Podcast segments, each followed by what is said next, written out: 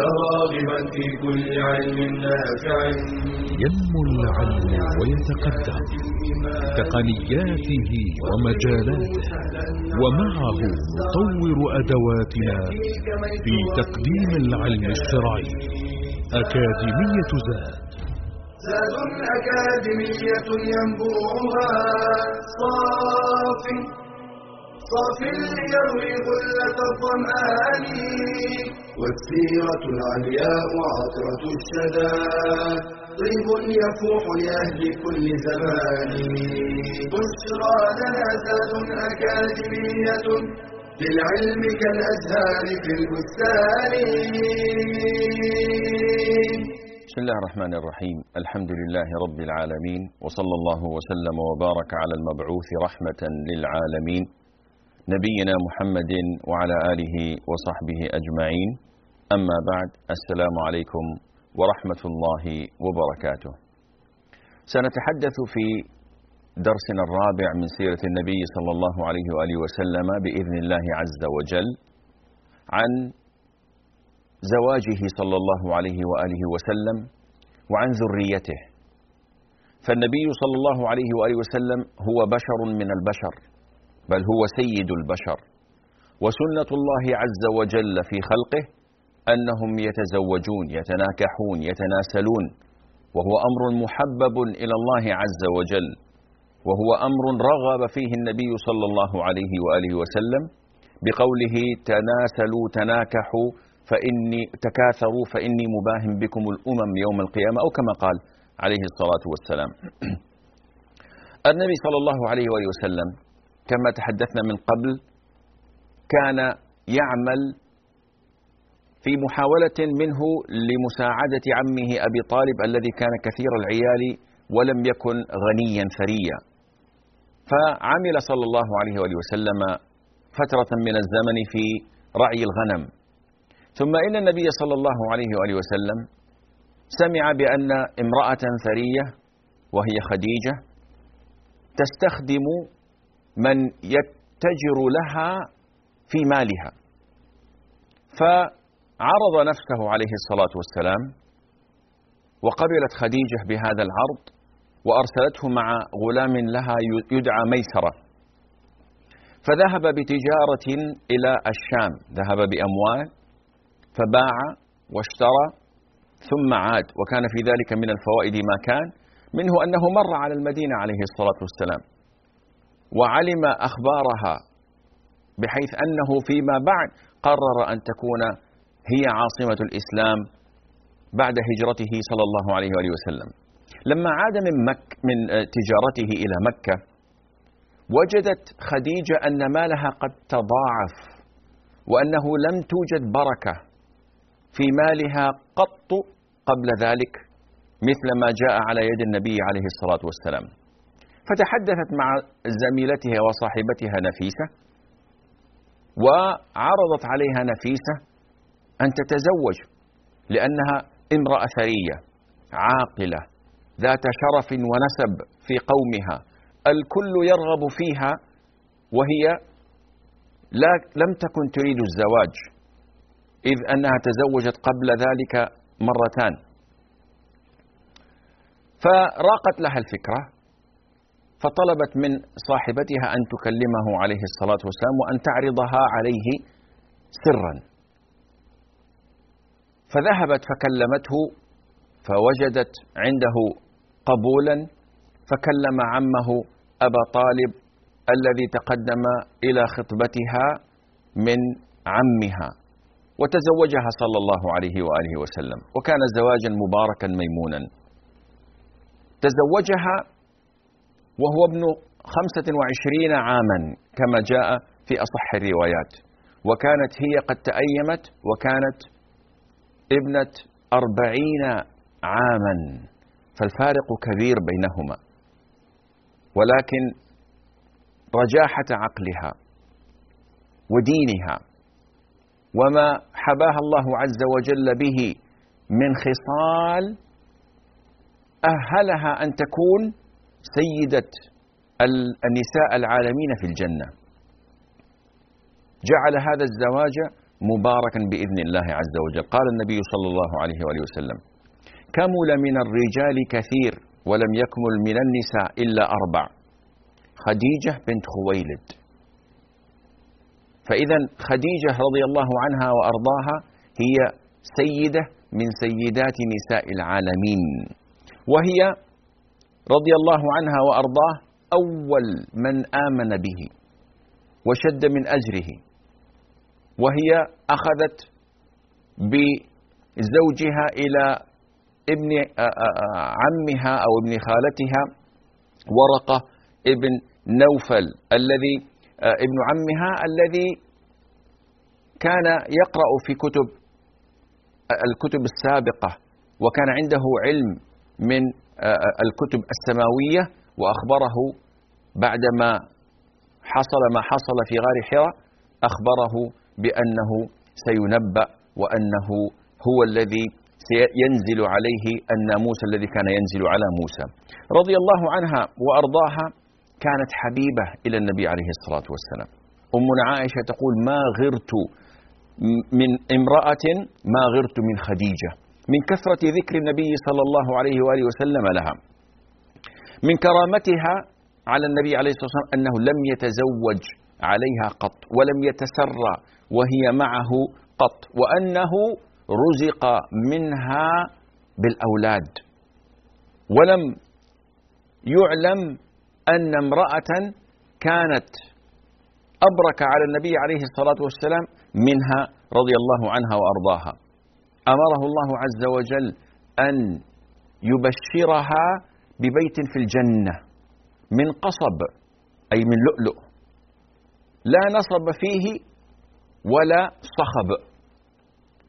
قال أهل العلم لا نصب أي لا تعب لأنها رضي الله عنها وأرضاها لم تكن تسمح للنبي عليه الصلاة والسلام أن يعمل أو أن يتعب أو أن يشقى بل كانت تنفق عليه من ماله من مالها وكانت تجعل بيته جنة إن دخله. ولا صخب أي لم يكن هنالك في البيت صراخ ولا نكد ولا هم ولا غم. ولذلك كانت سيدة من سادات نساء العالمين في الجنة.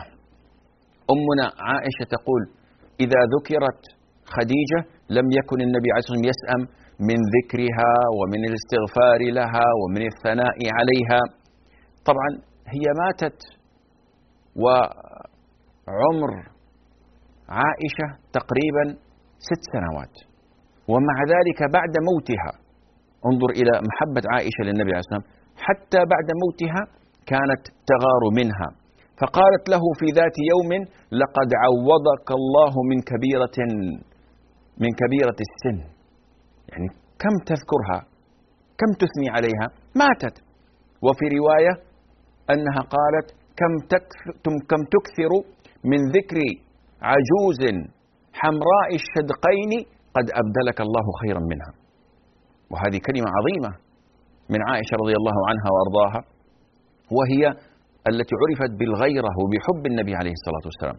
قالت هذه امرأة سقطت أسنانها لكبر سنها وأصبحت حمراء الشدقين كم تذكرها. فغضب عليه الصلاة والسلام غضبا شديدا فقال لها كيف قلت؟ والله لقد آمنت بي إذ كذبني الناس وآوتني إذ رفضني الناس ورزقت منها الولد وحرمت وحرمتموه وحرمتموه مني. يعني الله عز وجل لم يرزقكم مني الأولاد. قالت فغدا وراح علي بها شهرا. شهر كامل والرسول صلى الله عليه وسلم غضبان من هذه الجملة.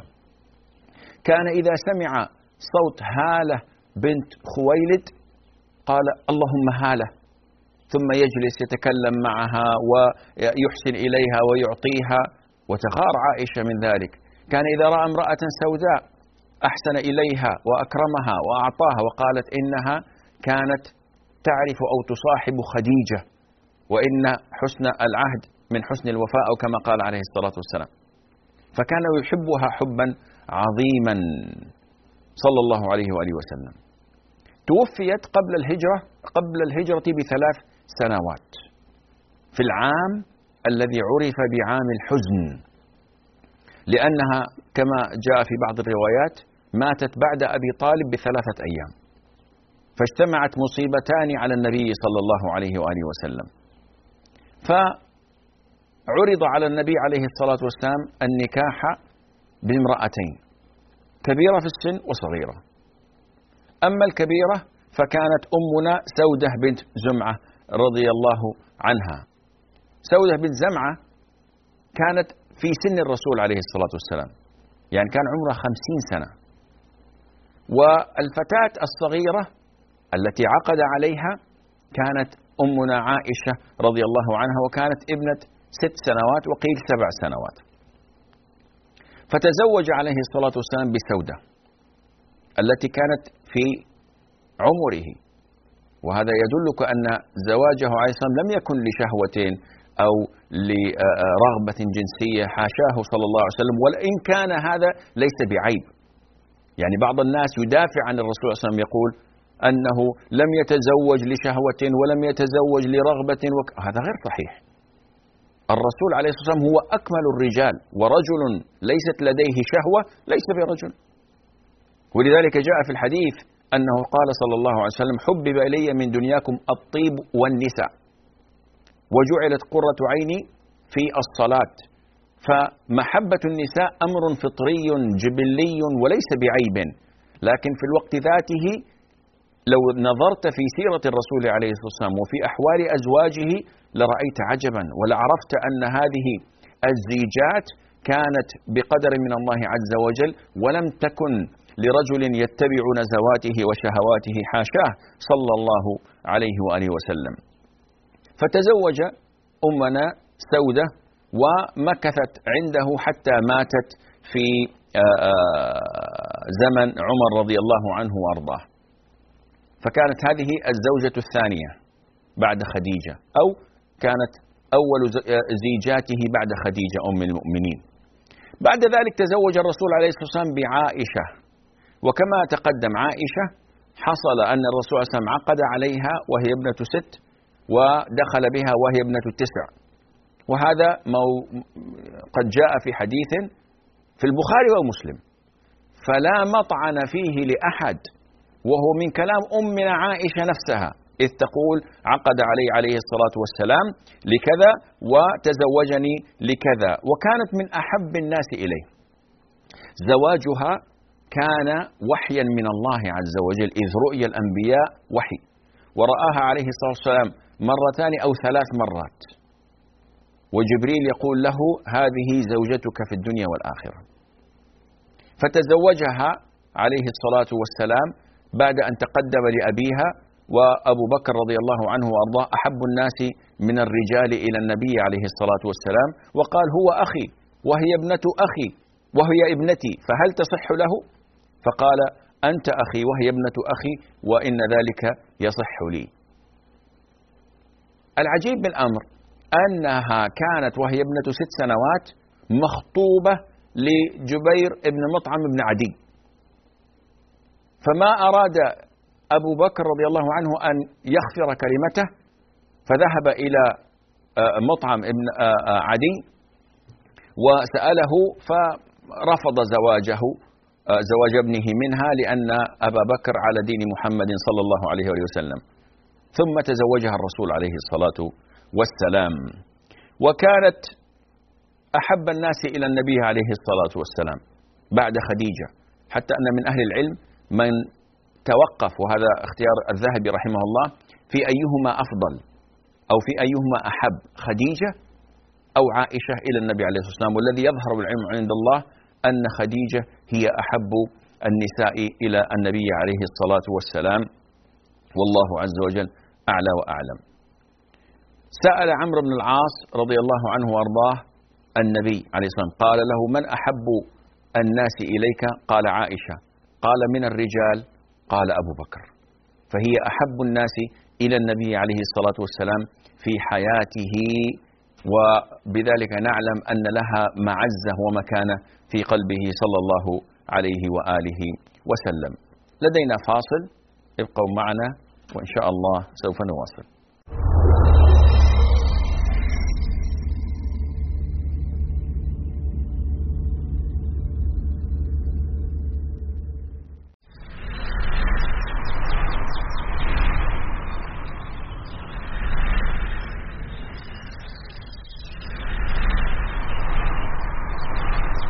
من الحب تستمد التربية تأثيرها وتعمق صلاتها وكلمة أحبك تفتح الطريق لكل رسالة تربوية توجهها. عن معاذ بن جبل رضي الله عنه أن النبي صلى الله عليه وسلم أخذ بيده يوما ثم قال يا معاذ إني لأحبك فقال له معاذ بأبي أنت وأمي يا رسول الله وأنا أحبك. قال أوصيك يا معاذ لا تدعن في دبر كل صلاة أن تقول اللهم أعني على ذكرك وشكرك وحسن عبادتك. وإذا سألك عبادي عني فإني قريب. أجيب دعوة الداع إذا دعان فليستجيبوا لي وليؤمنوا بي لعلهم يرشدون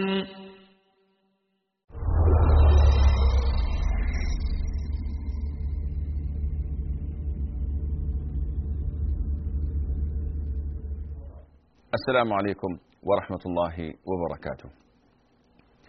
أمنا عائشة رضي الله عنها حبها في قلب النبي عليه الصلاة والسلام كان معلوما للجميع. حتى أن الصحابة كانوا يتحرون يومها بهداياهم للنبي عليه الصلاة والسلام. فإذا أرادوا أن يبعثوا طعاما إذا أراد أحد من الوفود من الوفود أن يبعث بهدية للنبي عليه الصلاة والسلام فإنه يتحرى اليوم الذي يكون فيه عند عائشة. مما أدى إلى إصابة الزوجات الأخريات بالغيرة. فاشتكينا وبعثنا أم سلمة. ولماذا أم سلمة من دون الناس؟ من دون الزوجات. لأن أم سلمة رضي الله عنها كانت معروفة بأن الله تعالى قد نزع الغيرة من قلبها على النبي عليه الصلاة والسلام بدعائه فكانت تأتيه فتكلمه أن يتقي الله عز وجل في ابنة أبي بكر وأن يعني ما تفعله يؤذي الأخريات والرسول لا يرد إلى أن قال لها يا أم سلمة لا تؤذيني في عائشة فإنه والله ما نزل علي الوحي وأنا في لحاف امرأة منكن غيرها. وهذه منقبة وفضيلة لأمنا عائشة. لذا قال عليه الصلاة والسلام فضل عائشة على النساء كفضل الثريد على سائر الطعام. وكان عليه الصلاة والسلام يراعي صغر سنها وكان يسمح لها باللعب ويسمح لصيحباتها بأن يقدمن معها للعب وكان يعطف عليها وإذا رأى عندها لعبة أو أو حصانا ذي جناحين يسألها ما هذا يا عائشة فتجيبه بكل براءة وكان إذا قدم وفد الحبشة إلى المسجد يلعبون بحرابهم وعصيهم كان يضع كتفه لها فتضع ذقنها عليه فتشاهدهم وهم يلعبون وهم يمارسون فنون الحرب في المسجد ويقول هل اكتفيت؟ فتقول ليس بعد لا لحاجتها للمشاهدة بل لتغيظ قلوب زوجاته عليه الصلاة والسلام الأخريات وهن ينظرن إلى الرسول عليه السلام وهو يعطيها كتفه حتى تسأم وحتى ترفض ذلك رضي الله عنها وأرضاها. لا شك أن هي أعلم النساء في عصر النبوة صلى الله عليه وسلم. فكانت فقيهة عليمة بالشعر والأدب عليمة بالقرآن والتفسير عليمة بأحوال العرب. أبوها أبو بكر رضي الله عنه العلامة النسابة. وكانت أيضا عالمة ب وكانت هي أيضا عالمة بشؤون الطب والأدوية مما كان يوصف للنبي صلى الله عليه وآله وسلم. أما الزوجة الثالثة فهي حفصة رضي الله عنها وأرضاها. أما حفصة فهي حفصة بنت عمر ابن الخطاب. وكان زوجها خنيس ابن حذافة السهمي أحد المهاجرين توفاه الله عز وجل في السنة الثالثة من الهجرة رضي الله عنه وأرضاه. وكأي أب يحرص على ابنته ذهب عمر يبحث عن زوج لابنته. فعرضها أول ما عرضها على عثمان الذي قد توفيت امرأته وهي ابنة النبي عليه الصلاة والسلام. فقال ليس بي حاجة إلى الزواج وكان متأثرا من فقدانها رضي الله عنها وأرضاها فعرضها على أبي بكر. والفارق بالسن كبير بين أبي بكر وبين حفصة ومع ذلك لم يرد عليه أبو بكر وهو صاحبه وصديقه.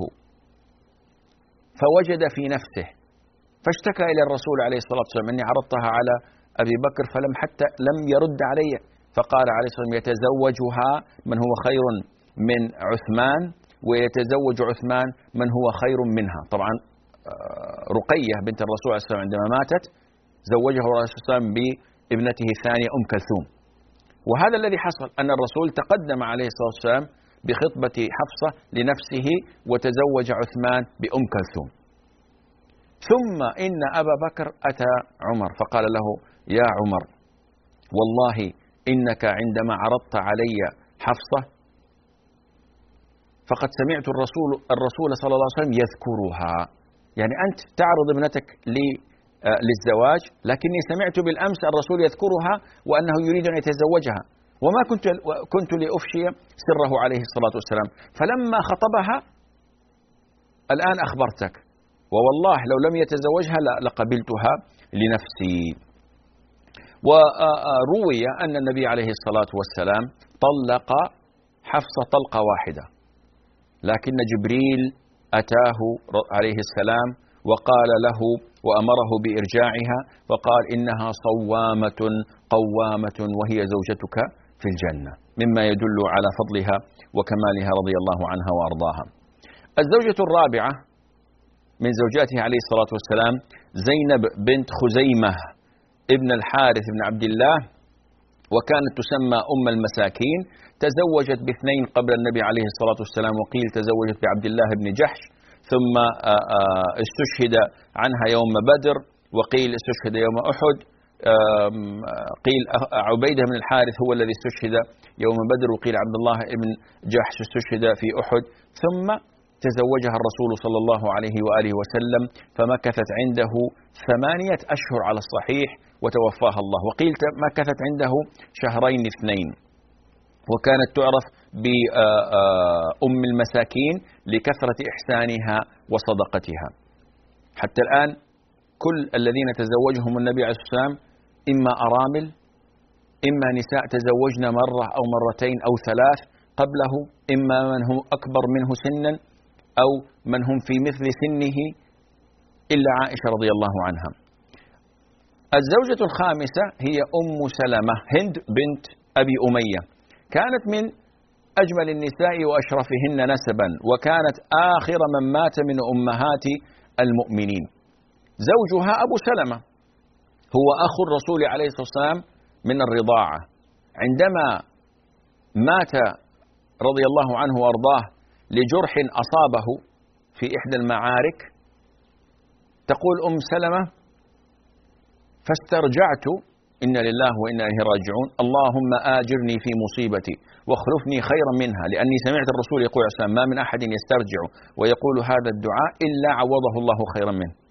تقول قلته وأنا أقول في نفسي من قد يكون خيرا من أبي سلمة أخي النبي عليه الصلاة والسلام بالرضاعة وأحد أول أوائل المهاجرين المدينة فما أن انقضت عدتها إلا وتقدم النبي عليه الصلاة والسلام لخطبتها فقالت يا رسول الله إني امرأة كبيرة في السن مسنة.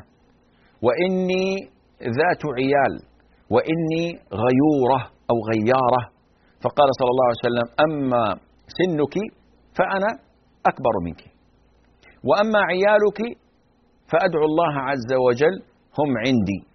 يعني أنا أتكفل بهم والله عز وجل يرزقنا وإياهم. وأما غيرتك فأدعو الله أن يذهبها أو بالفعل.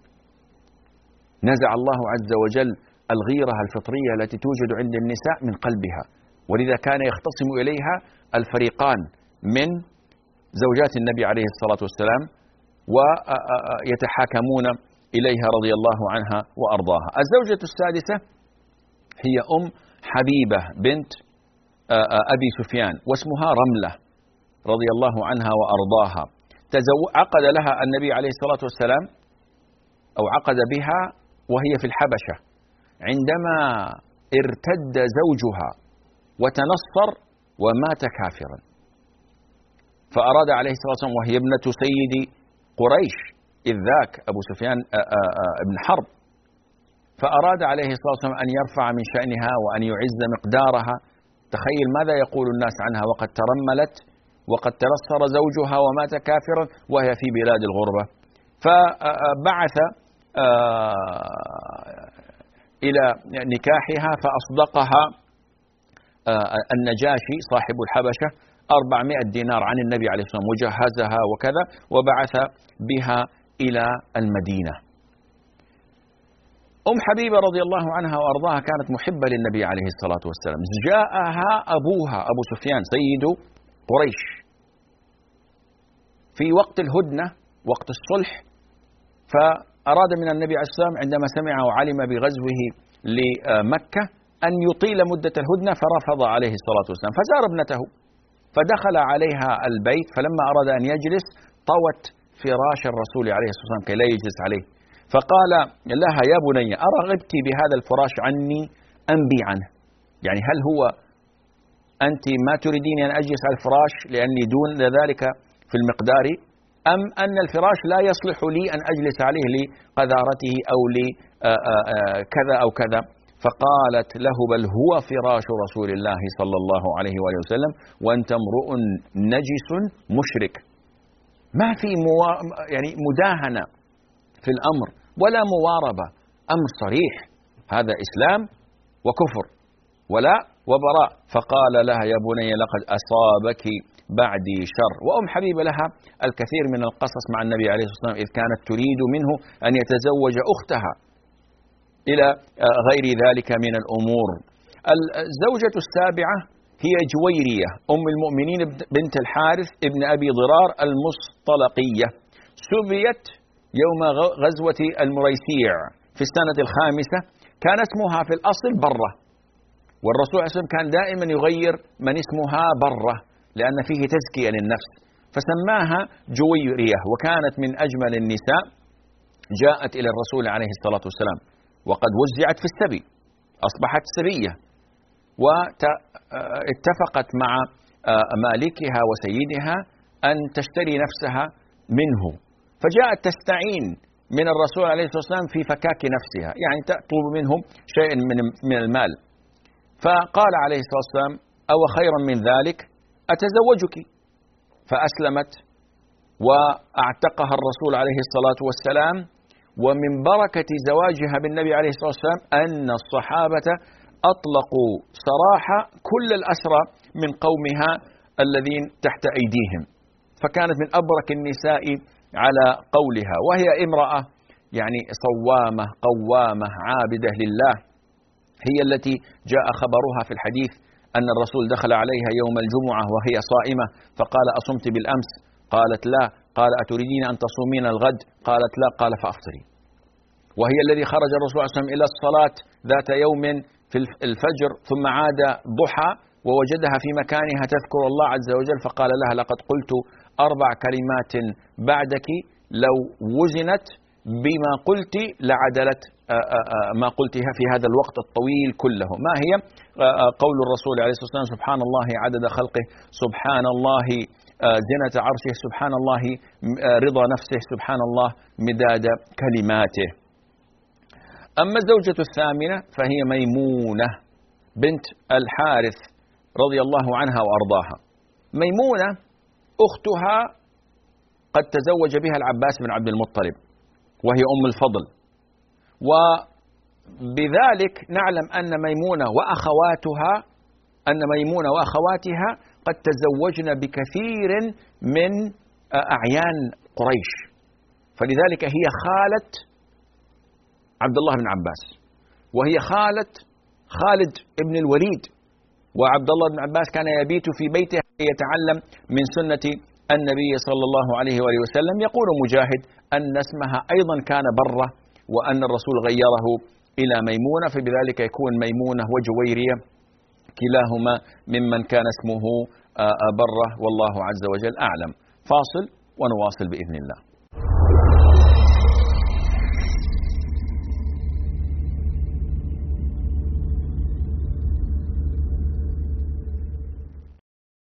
مجموعة زاد تقدم لكم نخبة مميزة من إصداراتها. كتاب كيف عاملهم صلى الله عليه وسلم للشيخ محمد صالح المنجد.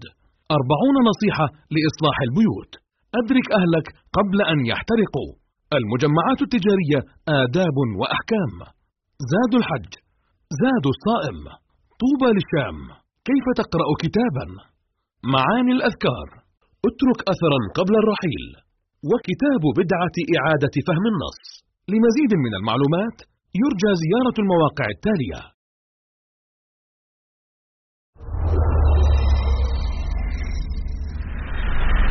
قناة زاد العلمية.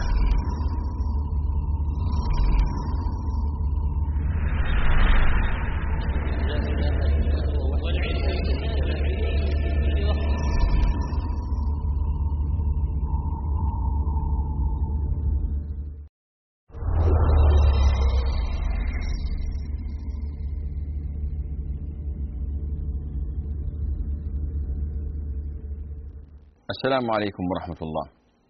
أما الزوجة التاسعة فهي صفية بنت حيي بن أخطب وهي من نسل إسحاق ابن إبراهيم من نسل يعقوب بن إسحاق بن إبراهيم وهي أيضا من نسل هارون آه، آه، أخي موسى عليهم الصلاة والسلام. تزوجها قبل الإسلام اليهودي سلام بن أبي الحقيق ثم كان من شعراء اليهود فقتل يوم آه، خيبر آه، وزوجها كنانة بن أبي الحقيق وقتل هو وأبوها وعمها لخيانتهم للمسلمين وكتمهم لما عاهدوا النبي صلى الله عليه وسلم عليه.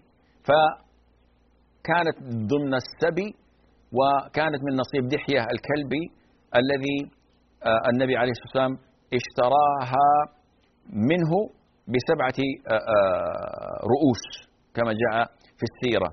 ثم عرض عليها عليه الصلاة والسلام أن ينكحها فجعل عتقها صداقا لها. فوافقت وأسلمت وأعتقها عليه الصلاة والسلام وكان عتقها هو صداقها وتزوجها صلى الله عليه وآله وسلم. وكانت ذات آه، حسب وجمال. ودين وشرف ونسب وكانت شريفة عاقلة كريمة رضي الله عنها وأرضاها. أما الزوجة العاشرة فهي زينب بنت جحش. آه، آه، هي ابنة عمة النبي عليه الصلاة والسلام وأمها أميمة بنت عبد المطلب.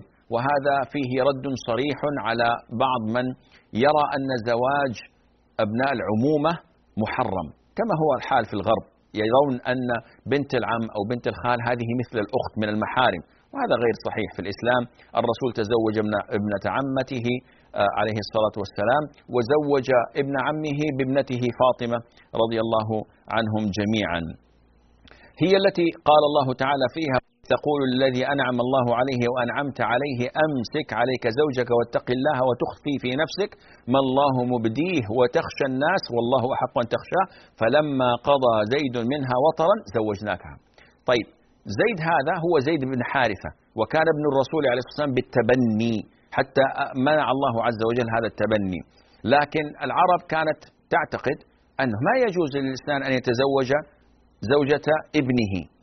وهذا محرم في الإسلام لكن أراد الله تعالى لحكمته أن يبطل هذا المفهوم مفهوم التبني كلية بأن أمره أن يتزوج زوجة ابنه بالتبني وهو زيد بن حارثة فلما حصلت المشاكل ولم تستسغ أن تكون زوجة له وطلقها زيد آنذاك أمره الله تعالى أن يتزوجها وكانت تفتخر فتقول يعني أن كنا زوجكن أهاليكن وزوجني الله من فوق عرشه وهي التي كان عليه الصلاة والسلام يعنيها بقوله أسراعكن لحوقا بي أطولكن يدا. زوجات النبي صلى الله عليه وسلم كن يضعن أيديهن ليعلمن من تكون أسرع الناس لحاقا به بطول اليد الجسدي وإذ بهم آه، آه، يجدون أن زينب آه، رضي الله عنها وأرضاها هي أول من مات من أزواجه لأنها كانت أكثرهن نفقة وصدقة فكانت تعمل بيدها وتتصدق رضي الله عنها وأرضاها. هذا يعني مختصر أرجو أن لا يكون مخلا عن زوجات النبي صلى الله عليه وآله وسلم. أما بالنسبة آه، لذريته فالرسول صلى الله عليه وآله وسلم كان له ثلاثة من الأولاد وأربع, وأربع من البنات. أما أولاده فهنالك القاسم وهو الذي يكنى به. فالرسول صلى الله عليه وسلم يعرف بأبي القاسم. ثم كان هنالك عبد الله وهو يعرف أو يلقب بالطاهر ويعرف بالطيب. وليس الطيب والطاهر أولاد آخرين إنما هم تسمية لنفس الصبي. وكله كلاهما توفاه الله عز وجل قبل البلوغ. قيل إن القاسم يعني كبر حتى أصبح يركب على الدواب يعني ابن سبع عشر إحدى عشر سنة.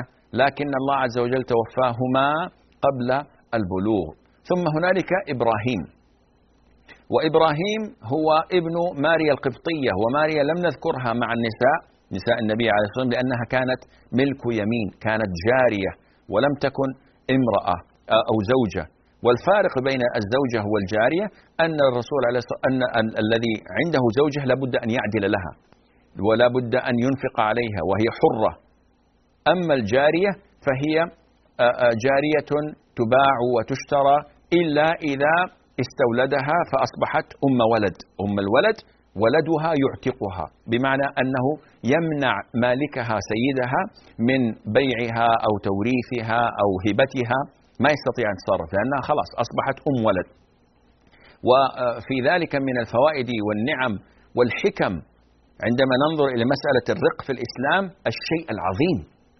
فالإسلام لا يدعو إلى الرق ولكنه يجعله سبب من أسباب دخول الجنة. كما قال عليه الصلاة والسلام عجبت لأناس في أعناقهم السلاسل يجرون إلى الجنة. أو كما قال. هذه السلاسل السلاسل وأغلال العبودية هي التي بسببها يعتنقون الإسلام ويدخلون الجنة. وانظر إلى جميع أحكام الشريعة. في الكفارات تجد أن بدايتها تكون عتق رقبة. فالإسلام يحبذ عتق الرقبة. ولكن ينظم هذه المسألة بحيث أن يكون هنالك شيء من التوازن وليس هذا وقت الحديث عن هذا الموضوع. فإبراهيم ولد بالمدينة في السنة الثامنة للهجرة وقيل أنه مات وهو ابن ست, سنة ست أشهر وقيل أنه مات لعامين لعله أرجح الأقوال. والله عز وجل أعلى وأعلم. أما بناته صلى الله عليه وسلم فكان له أربع من البنات. زينب بنت محمد وكلهن طبعا أولاده عليه السلام من خديجة باستثناء إبراهيم. زينب رضي الله عنها وأرضاها وهي كبرى بنات الرسول عليه الصلاة والسلام وهي آه، أم أمامة بنت أبي العاص. زوجها الرسول عليه الصلاة والسلام بابن خالتها آه، أبي العاص بن الربيع وأم أبو العاص هي هالة بنت خويلد التي ذكرناها قبل قليل والتي كان يستبشر الرسول صلى الله عليه وسلم عند آه، سماعه اسمها. وأمامة بنت أبي العاص هي التي كان صلى الله عليه وسلم يصلي وهو حامل لها فإذا أراد أن يركع أو يسجد وضعها. وقيل إن علي بن أبي طالب تزوج أمامة بعد وفاة فاطمة رضي الله عنهم أجمعين. أما قصص إسلام أبي العاص وما حصل من رقة القلب للنبي عليه الصلاة والسلام يعني شيء عجيب. زينب عندما أسلمت هاجرت وتركت زوجها الذي ظل على دينه وافترقت عنه ست سنوات. في غزوة بدر عندما استؤسر وطلب الرسول صلى الله عليه وسلم الفداء لأسرى بدر بعثت بقلادة إلى النبي عليه الصلاة والسلام لكي تفك أسره. وهذه القلادة هي التي أهدتها إياها خديجة أمنا رضي الله عنها وأرضاها عندما تزوجت أبا العاص. فلما رآها عليه الصلاة والسلام رأى يعني رق لها رقة عظيمة لأنه تذكر الأيام الخوالي. فطلب من المسلمين إن أرادوا أن يفكوا أسره تكريما ويعني معرفة لحق خديجة ولأنها افسدت نفسها فيعني أطلقوه وأطلقوا سراحه. ثم إنه أسر بعد ذلك بسنوات ثلاث أو أربع وذهب واستجار بزينب فجاءت بعد صلاة الفجر وقالت قد أجرت أبا العاص. فالرسول عليه الصلاة والسلام قال لهم والله ما عرفت عن هذا إلا الآن فإن أردتم أن تجيروه وأن تطلقوه ففعلتم ذلك. فقالوا حبا وكرامة وأطلقوا سراحه فذهب إلى مكة وأعطى الناس حاجياتهم وأموالهم وأماناتهم وكان معروفا بالأمانة والصدق رضي الله عنه وأرضاه. ثم أتى فأعلن إسلامه عند النبي عليه الصلاة والسلام بعد ست سنوات من مفارقته لزوجته فردها عليه الصلاة والسلام إليه بلا مهر ولا عقد. وهذا فيه فائدة فقهية أن المرأة إذا أسلمت وزوجها على كفره ثم بعد سنوات أسلم هو وأرادت أن تعود إليه فلا يعقد لهما عقدا جديدا ما لم تنكح زوجا آه، غيره. وابنته الثانية هي رقية وكانت تحت آه، عتبة بن لهب تزوجها عتبة بن لهب. قيل أنه لم يدخل بها آه، حتى أمره أبوه أبو لهب بطلاقها عندما نزلت سورة تبت يد أبي لهب وتب قال رأسي من رأسك حرام إن لم تفارقها فطلقها. وهو الذي دعا عليه النبي عليه الصلاة والسلام بقوله اللهم صلت عليه كلبا من كلابك فأتى أسد فالتقم رأسه من دون العسكر ومن دون المرافقين معه في ذلك السفر. وهاجرت الهجرتين مع عثمان بن عفان الذي تزوجها بعد عتبة وكان يحبها حبا عظيما وولدت له عبد الله الذي مات وهو ابن ست سنوات. ثم إنها ماتت في رضي الله عنها وأرضاها وتزوجها بعدها تزوج بعدها أم كلثوم. يعني عثمان بعدما توفيت زوجته تزوج بعدها أم كلثوم وقال عليه الصلاة والسلام لو كان لنا عشر بنات لزوجتهن آه، لعثمان وعندما توفيت رقية وهي التي تزوجها آه، سنة آه، وعندما توفيت أم كلثوم وهي الزوجة الثانية وقد تزوجها في السنة الثالثة للهجرة لأن رقية توفيت أثناء غزوة بدر. ولذلك لم يشهد عثمان غزوة بدر. فلما توفيت زوجها السنة التي بعده بعدها بأختها أم كلثوم ومكثت عنده. وكانت أيضا أم كلثوم متزوجة من أخ عتبة ابن أبي لهب وهو عتيبة ابن أبي لهب. أما ابنته الأخيرة فهي فاطمة رضي الله عنها وأرضاها وهي سيدة أهل آه، نساء أهل الجنة كما جاء في الحديث ولم يكمل من النساء إلا أربع منهن فاطمة بنت محمد أشبه الناس عليه الصلاة والسلام بهديه وسمته إذا مشت لم يخطئ أحد لم يخطئ أحد آه، آه، مشية الرسول عليه الصلاة في مشيتها. إذا دخلت مجلسا قام عليه الصلاة والسلام ورحب بها وقبلها بين عينيها وأجلسها. بجانبه كانت رضي الله عنها وأرضاها من أكمل الناس عقلا ودينا وخلقا وكانت تحب الرسول وكان الرسول صلى الله عليه وسلم يحبها حبا عظيما. ساررها في مرض موته فبكت. ثم بعد أن بكت ضحكت. فلما توفي الرسول عليه الصلاة والسلام سألتها عائشة فقالت لها أخبرني عليه الصلاة والسلام أنه سيموت فبكيت. على فراقه وأخبرني بعد ذلك بأني أسرع أهله لحوقا به فضحكت لذلك وأخبرها أنها سيدة نساء الجنة. هذا ما اتسع له الوقت وأرجو أن شاء الله أن لا يكون هذا الاختصار الاختصار مخلا لأن في الموضوع يعني العديد من القصص التي ينبغي لكل طالب علم أن يقرأها وأن يتأمل فيها وأن يعرف حال زوجات النبي عليه الصلاة والسلام وذريته وما فيها من عبر.